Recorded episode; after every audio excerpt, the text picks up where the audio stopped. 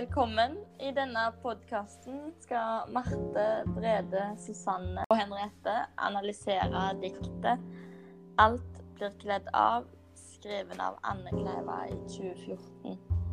Diktet er skrevet i vår samtid og tar opp aktuelle tema fra denne tida, som vi skal gå mer inn på senere i analysen vår.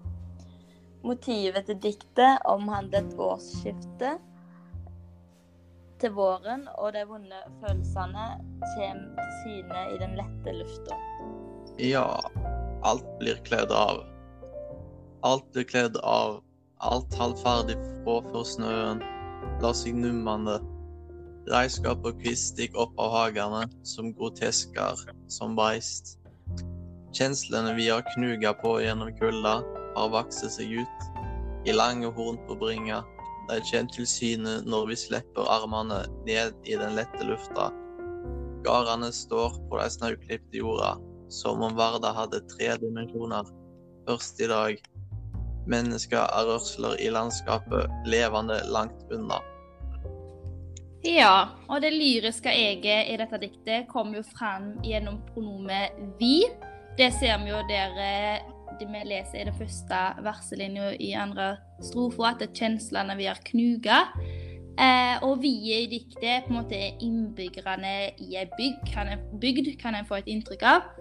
Eh, og det lyriske eget står på en måte i en sårbar situasjon, der han ser flere mennesker flytte fra bygda han kommer ifra, da. Ja, altså dette diktet ble jo skrevet i 2014, i nyere tid altså. Og dette her er jo et nytt fenomen generelt, og at folk flytter fra bygd til by, da. Siden det skjedde ikke så veldig mye før i tida.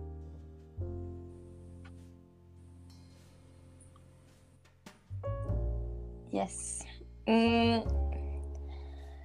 Diktet er jo bygd opp av uh, tre strofer med seks uh, verselinjer i hver.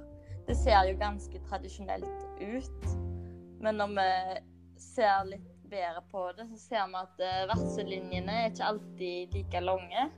Og det blir mer utradisjonelt med at det ikke har store bokstaver eller noe særlig tegnsetting. Ja, og så er det jo på en måte et ganske modernistisk dikt, da, med på en måte en tradisjonell oppsett, som vi så liksom at det har jo tre strofer med seks verselinjer, så det ser jo veldig sånn tradisjonelt ut, men samtidig ser en jo da trekk til modernistisk, da.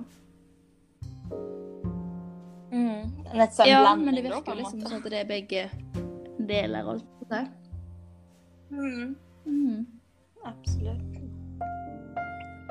Em, ja, så har vi jo litt eh, virkemiddel òg i diktet. Vi har bl.a. i siste avsnitt så har vi en slags metafor.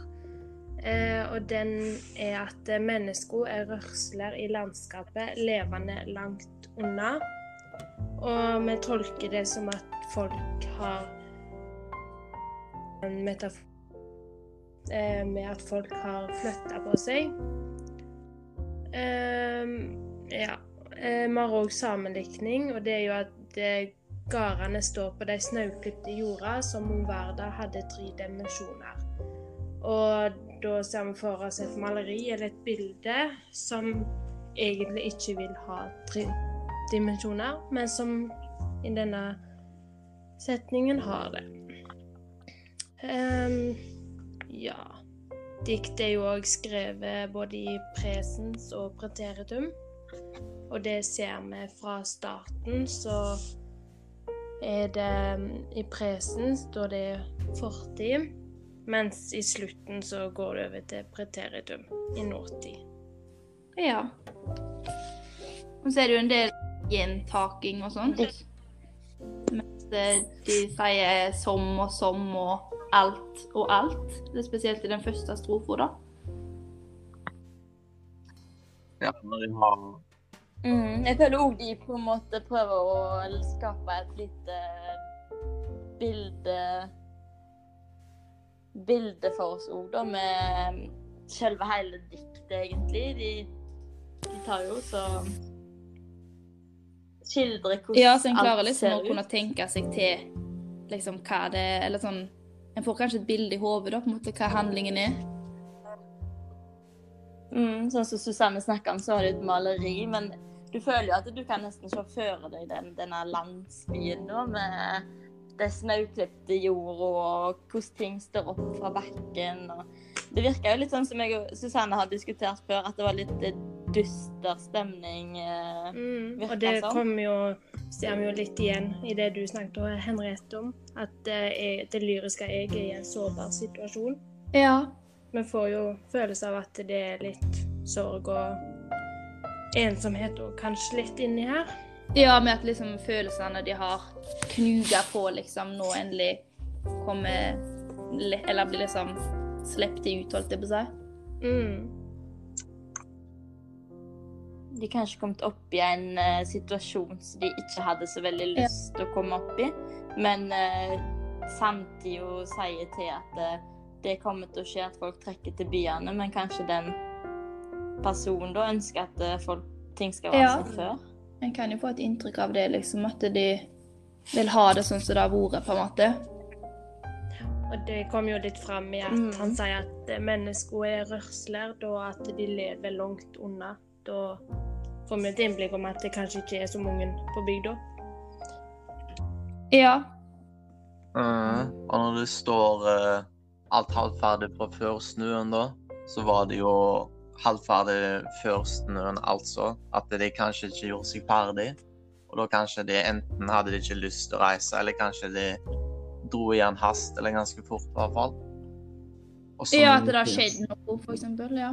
Mm. Ja, altså når ser senere på kjenslene vi har knuga på gjennom kulda, har vokst seg ut. Og så det er kjent til syne når vi slipper armene ned i den tette lufta. Så hvis de slipper ned armene, slipper de nå kanskje det de har i hånda da. Så vi kan jo tro.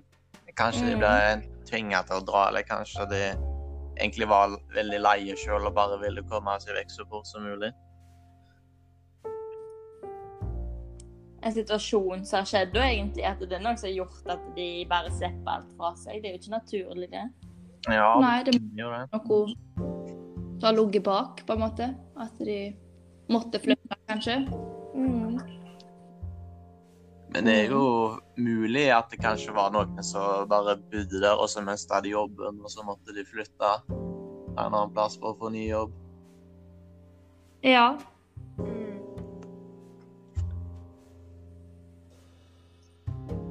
Spørs alt på personligheten. Noen kunne jo bare sluppet ned alt, men òg så er det jo masse som kan tilsi at det er sånn som vi har snakket om nå, at det er faktisk en hending som har skjedd, og en veldig god grunn til at de har foret til byen sånn som Mm. før. Stemmer. Mm. Ja, tematikk i teksten, nå, det fikk vi fram at det var ofte mennesker i rørsle. Altså ute på bygda så er det jo masse som flytter til byene, da. Og der snakka vi jo litt om det er veldig nytt fenomen. Det er veldig populært på tida. Og forandring handler det òg om, da, siden det er jo alltid folk som er igjen i bygdene, og så bare ser på at naboene forsvinner én etter én. Og det er kanskje ikke så kjent kjempekjekt. Og at liksom det har endra seg sånn at eh, en, altså en mister på en måte de mulighetene en hadde kanskje tidligere på bygda. At en er liksom nødt til å flytte, eller at en er faktisk nødt til å ikke At en kan liksom ikke bosette seg der kanskje på bygda en vil, da. Kunne ville før. Mm. At det er liksom at en må kanskje bo andre plasser. Mm. Men det er jo sånn eh, Jeg bor jo sjøl på bygda, på en måte at det, er jo nesten bare gamle hus her, gamle folk, og alle de unge de trekker mot eh, det tettbebygde folka. Så befolkninga, og så Da er jo bedrifter eh, Det er jo masse bedrifter før på landsbygdene, men det jo, blir jo bare mer og mer sentralisert. Og folk flytter bare mer, vekk, mer og mer vekk. Og det ender jo opp med at det bare er det gamle som står igjen. Det er på en måte ikke noe nytt påfyll av uh, unge folk som tar uh, driften av bygda videre. Da. Nei, det er sant, det. Så det er jo, stemmer jo med det hun har skrevet, og samtida vår sånn som den er nå. Mm.